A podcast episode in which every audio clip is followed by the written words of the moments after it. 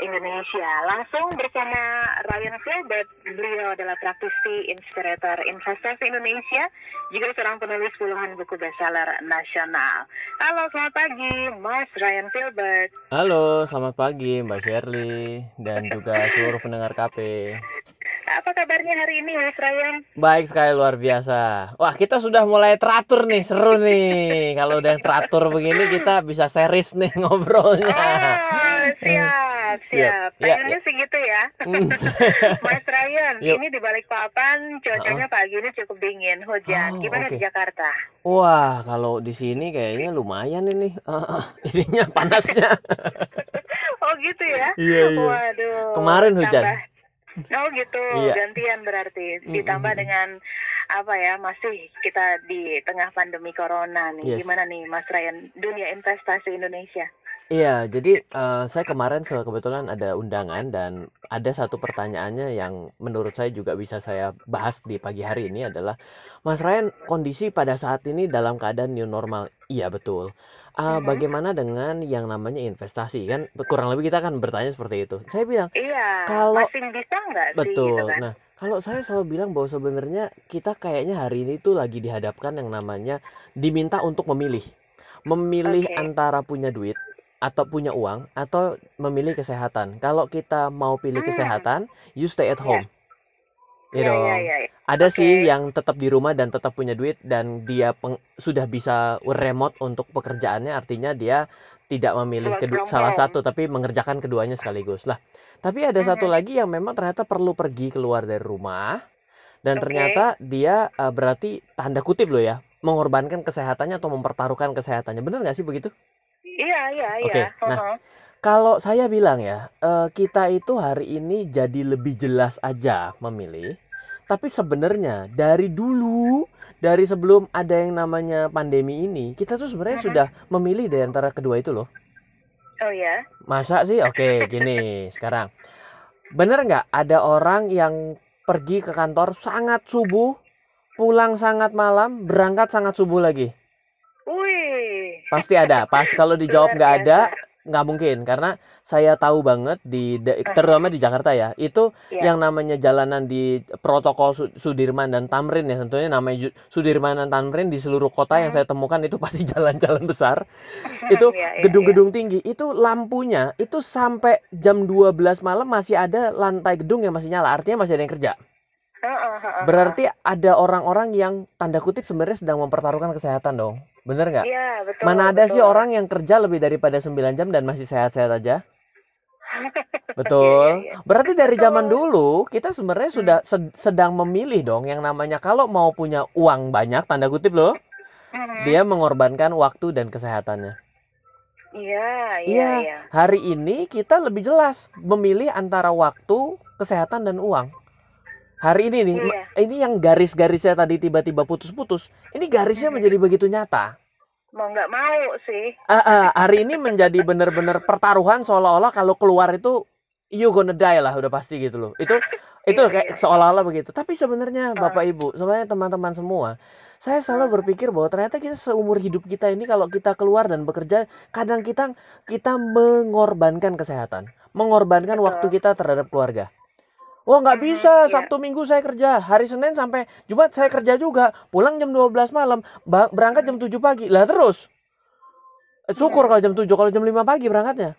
Hmm. Jadi one day ketika dia sakit, ketika one day begitu anaknya sudah gede, dia cuma nanya, kok kamu udah kelar kuliah? Lah kapan tahu emang udah dari dulu kelar kuliah? Kenapa? Betul. Kalau ada orang yang mengalami hal itu, sebenarnya Anda itu sebenarnya sudah mengorbankan waktu, sudah mengorbankan kesehatan hanya untuk uang. Jadi bukan hari Iya, ini iya. saja. Hei, ayo bangun. Hari ini kita Ah. menjadi lebih jelas. So, pertanyaannya, Ryan, berarti hari ini kita tetap dalam keadaan new normal? Yes, betul. Menjadi aware terhadap kesehatan. Aware terhadap keuangan. Yes, betul. Tapi artinya apa sih yang harus kita jaga? Jawabannya adalah kita harus bisa menyeimbangkan. Menyeimbangkan apa Ryan? Ah, seimbangnya itu menurut saya ada tiga dengan dua versi yang berbeda. Tiga yang pertama ya, kita harus bisa mengimbangkan yang namanya pendapatan, Betul. waktu, Mhm. kesehatan. Iya, iya. Oke, ini versi pertama ya. Nah, Hmm. versi kedua, Versi kedua, kita harus bisa mengimbangkan diri sendiri, Mhm. Lingkungan, keluarga dan sekitar tentunya ya. Jadi kalau kalau misalnya eh, Anda tangan itu masuk ke diri sendiri, lalu ketika yang Mhm. kedua adalah ke lingkungan berarti keluar. Ya. Yang satu lagi tunjuk ke atas, spiritual. Hmm. Jadi inilah dasar dari investasi yang benar. Investasi itu nggak melulu mengenai uang. Salah. Mhm. Kalau Anda bilang, oh saya yang penting punya uang banyak. Serius, dikorbankan dengan waktu tidak punya. Iya. Akhirnya buat apa Anda juga hidup? Kalau misalnya, oh saya punya banyak waktu, tapi saya nggak punya uang. Ya, nggak lama lagi juga sakit. Hmm. Iya nggak sih? Artinya kan Mm, berarti iya, iya. kita mengambil dua keseimbangan. Keseimbangan pertama, versi pertama adalah pendapatan, waktu, dan kesehatan. Versi kedua, apakah itu berlaku untuk memuaskan diri Anda sendiri? Atau memuaskan lingkungan Anda? Mhm. Atau hanya untuk spiritual? Oh enggak, saya hanya memilih satu dari tiga. Enggak, bisa juga. Sesuatu yang berlebihan tidak akan pernah berakhir dengan baik. Sekalipun positif. Contoh, saya pingin sehat. Kalau gitu saya akan minum vitamin sebanyak-banyaknya. Ya coba tes aja. Hmm. Ya kan? Tertentu vitamin C sebanyak-banyaknya. Ususnya jebol. Hmm. Iya enggak? Bener Iya, nggak? iya, Sesuatu yang bagus sekali dilakukan berlebihan, dikonsumsi berlebihan, akhirnya juga nggak bagus. Iya atau ya? Betul. Heeh, iya. Nah, betul. Jadi investasi pada hari ini selalu menarik. Mau investasi apa? Investasi kesehatan loh. Kenapa pakai masker kalau ngerasa investasi kesehatan nggak menarik? Iya Hmm. dong. Investasi waktu. Oh, kalau gitu ngapain pulang liburan sama keluarga? Nggak usah, kerja aja. Iya dong. Yang ketiga, Iya, iya. investasi keuangan. Oh, udah pasti. Kenapa? Iya, you name it lah di dunia ini apa yang tidak menggunakan uang. Hmm, iya. Artinya tidak menjaga salah satunya akan chaos pada waktunya. Hmm. Ah, jadi kalau ditanya apakah investasi pada saat ini menjadi suatu menarik saat corona? Hohoho, udah lebih-lebih lagi orang garisnya tadi putus-putus sekarang bener-bener ditarik loh. Iya, iya. Kemarin saya dengerin presentasinya Mas Nadim aja, Mas Menteri. Heeh. Wah nggak bisa gitu, kita masa hari ini harus di memilih antara kesehatan dengan yang namanya pendidikan. Orang pendidikan itu sebelum pandemi saja sudah agak bermasalah dia bilang. Kita berada di urutan yang kesekian dari jumlah negara loh mengenai pendidikan. Hari ini di stop.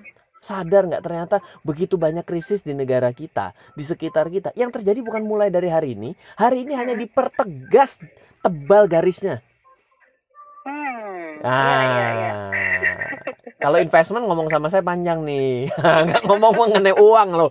Uang itu adalah bagian yang penting, yes betul. Tapi kalau kita kejar dengan cara yang salah, akan menghasilkan sesuatu yang sangat salah. Iya, gitu. iya, iya. Jadi ada satu kata atau paling tidak semangat nih untuk para ya investor atau mereka yang ingin eh, tetap eksis gitu di Iya. dunia investasi. Yes, jadi kalau uh, berbicara kembali, Ryan, kalau gitu saya mau ngomong dengar dari Ryan mengenai uang dong. Oke, begini. Bagaimanapun juga pada hari ini cuma ada dua prinsip utama yang berlaku, yaitu Mhm. tetap berpendapatan dan Oke. tetap berpengeluaran.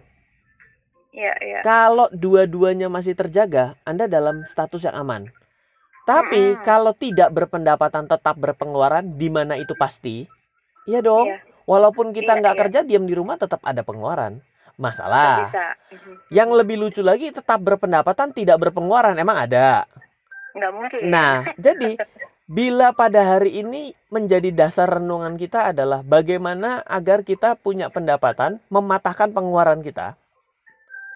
Kalau misalnya ternyata pendapatan kita kurang, tolong cari cara baru atau cari jurus baru, cari hal yang kreatif. Kenapa? Karena orang itu dalam keadaan yang sulit akan muncul ilmu-ilmu barunya.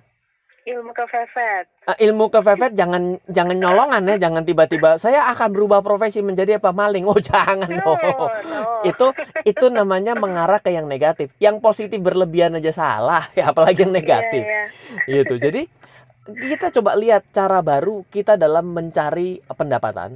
Dan Aha. kalau sebenarnya ada cara yang lebih cepat lagi dibandingkan bagaimana cara mencari pendapatan, yaitu adalah mengendalikan pengeluaran. Hmm. Wah Ryan, nggak mungkin dong. Pengeluaran itu sudah sebegini kok. Serius, nggak ada sesuatu yang hanya karena keinginan atau kecanduan Anda. Eh, saya juga bagian dari orang yang suka ngopi loh. Saya tahu kalau nggak ngopi rasanya nggak enak, padahal perlu nggak perlu. Oh, Iya. iya iya. Eh, eh, harus lumayan loh. ya, Mas ya? I- iya, lumayan loh karena kalau eh, apa dihitung ya sebenarnya ya kagak bisa bikin kaya. Ya iya, beli pabrik kopinya kalau mau kaya. Iya bener loh. Tapi ada sesuatu yang bisa kita redam karena hanya keinginan kita atau hasrat untuk menyelesaikan masalah keinginan di dalam diri kita. Pendapatan pengeluaran itu saja dulu. Nah, setelah nanti kalau ada sisanya, selisihnya. Mhm. Nah, seru ada selisihnya. Mau investasi apa? Tidak ada investasi yang buruk, Bapak Ibu. Semua investasi bagus. Iya iya. Yang untung. Iya dong. Investasi Mhm. paling bagus sekalipun namanya kalau rugi tetap aja investasi menyedihkan. Iya dong. Iya iya, mending Jadi nggak usah gitu ya, Mas ya? Iya, kadang orang berbicara mengenai investasi apa Pak yang hari ini untung. Semuanya bagus kalau untung. Nggak bisa investasi yang untung itu kan dibeli dulu baru ngerasakan keuntungan. Mhm, Iya iya. dong. Saya selalu ngomong loh. Eh, saya ingat banget waktu itu kita ngobrol ketika harga emas mulai naik. Lalu Iya tiba-tiba kan iya. bilang, Mas gimana kalau kita langsung mulai investasi emas? Eh nanti dulu saya bilang. Kalau Hmm. misalnya kita berinvestasi dengan tren, saya ingat banget loh saya ngomong eh, bareng Mbak. Shirley, eh, hati-hati Iya. kalau Anda berinvestasi dengan tren, ini kadang-kadang lebih banyak cerita sedihnya. Hmm. Gitu. Mulailah sesuatu justru kalau investor bener, carinya yang ambruk. Oh. Iya, kalau orang investasi udah terlalu tinggi, dia akan terjebak di harga yang tinggi. Kalau ambruk kan logikanya begini, mau ambruk ke mana lagi lu? Orang udah ambruk, masa masuk dalam bumi kan gitu ceritanya dong ya. Iya iya iya. Betul. Jadi ya yang namanya filosofi-filosofi sederhana itu kadang-kadang kok segitu gampang. Ryan tolong sebut dong instrumen apa. Semua instrumen bagus Bapak Ibu selama dibeli di waktu yang Hmm. tepat. Mhm mhm Iya dong. Kalau Oke, emas wow. sama juga turun ya jebol juga gitu loh ceritanya. Oke, Mas Ryan luar biasa.